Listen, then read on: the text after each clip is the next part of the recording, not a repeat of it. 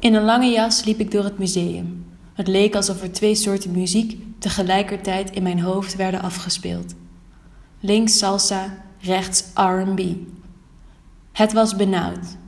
Ik dacht dat ik het uitstraalde een pretentieus chickie te zijn. Zo eentje die Gauloise rookt en port drinkt, wat ik niet wilde uitstralen. En ik dacht dat ik dat dan ook weer uit zou stralen. Iemand vertelde mij ooit, toen we op een terras onder een parasol bij een restaurant zaten, een plek waar de obers een paraplu boven je hoofd hielden als je door de regen naar de wc moest, dat, toen ik met gerechte rug naar de vetvlek op mijn knie wees, het juist klasse is als je underdressed op een chique locatie bent. Dat je dus je best doet om te laten zien dat je niet je best hebt gedaan. En omdat ik vond dat wat deze persoon zei het meest debiele was wat ik ooit in mijn leven had gehoord, liep ik door dat museum proberend om het uitstralen dat ik mijn best deed om het, het niet mijn best doen van mijn uitstraling uit te stralen. Met andere woorden, ik probeerde mijn uitstraling te accepteren zonder hier bewust mee bezig te zijn en van mijn part dus als een pretentieus chickie over te komen. Ik snapte niks van de kunstwerken en had alleen oog voor mijn telefoon, terwijl ik mijn voeten liet rusten op een bankje dat bedoeld was voor mensen om tot bezinnen te komen, of juist niet. En terwijl ik daar zat, realiseerde ik me dat ik iets deed of meemaakte wat nergens de moeite zou zijn om aan een ander te vertellen. En dat dit moment hier er eigenlijk niet echt bestond. Feitelijk was ik bezig met geen herinnering te maken en in plaats van dat deze gedachte me beangstigde, beviel het me wel.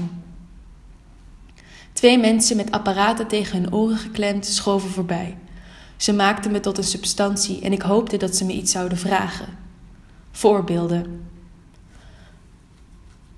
Wat vind jij van vegetariërs?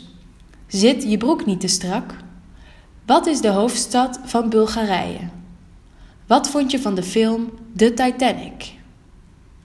Ik hoopte dat we de gemeenschappelijke hoop die we hadden, die van dat de kunst ooit van pas zou kunnen komen, bijvoorbeeld op momenten dat er een stilte valt terwijl je met wat mensen in een café zit te kauwen op een ei en iedereen je afwachtend aankijkt en je toetst of je ook een vrije intellectuele geest bezit en je op dat moment de kennis over kunst gebruikt om je ticket tot vriendschap te krijgen. Ik hoopte dat we onze afwachtende houding konden activeren tot iets anders. Dat we gewoon toegaven de ballen ervan te snappen en vertrokken naar de snackbar of een plek waar we konden darten. Ik had honger. Ik checkte of ik nog meer likes had gekregen op Facebook. Niks. Daarna op Instagram. Tip, twee likes. En uiteindelijk mail. Weer niks. Ik opende de bovenste knoop van mijn broek en dacht aan een psychoanalytisch essay waarin geschreven stond dat pornoacteurs ergens overeenkomsten hebben met musicalacteurs, omdat in beide gevallen de acteurs zich bewust zijn van de camera. Ergens voelt het alsof dat een negatieve overeenkomst is. Ik voegde er kunstkijkers aan toe en dacht aan mijn schoonouders.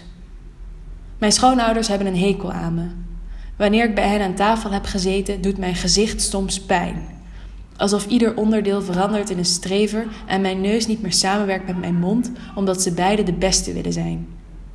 Mijn schoonouders mogen me niet omdat ik geen geld heb en het er ook niet naar uitziet dat ik ooit geld ga verdienen. Op het moment dat ik besloot geduldig genoeg te zijn geweest en ik wilde rechtstaan, liet iemand ter hoogte van mijn gezicht een scheet met meerdere accenten. Het geluid galt nog steeds na in mijn hoofd.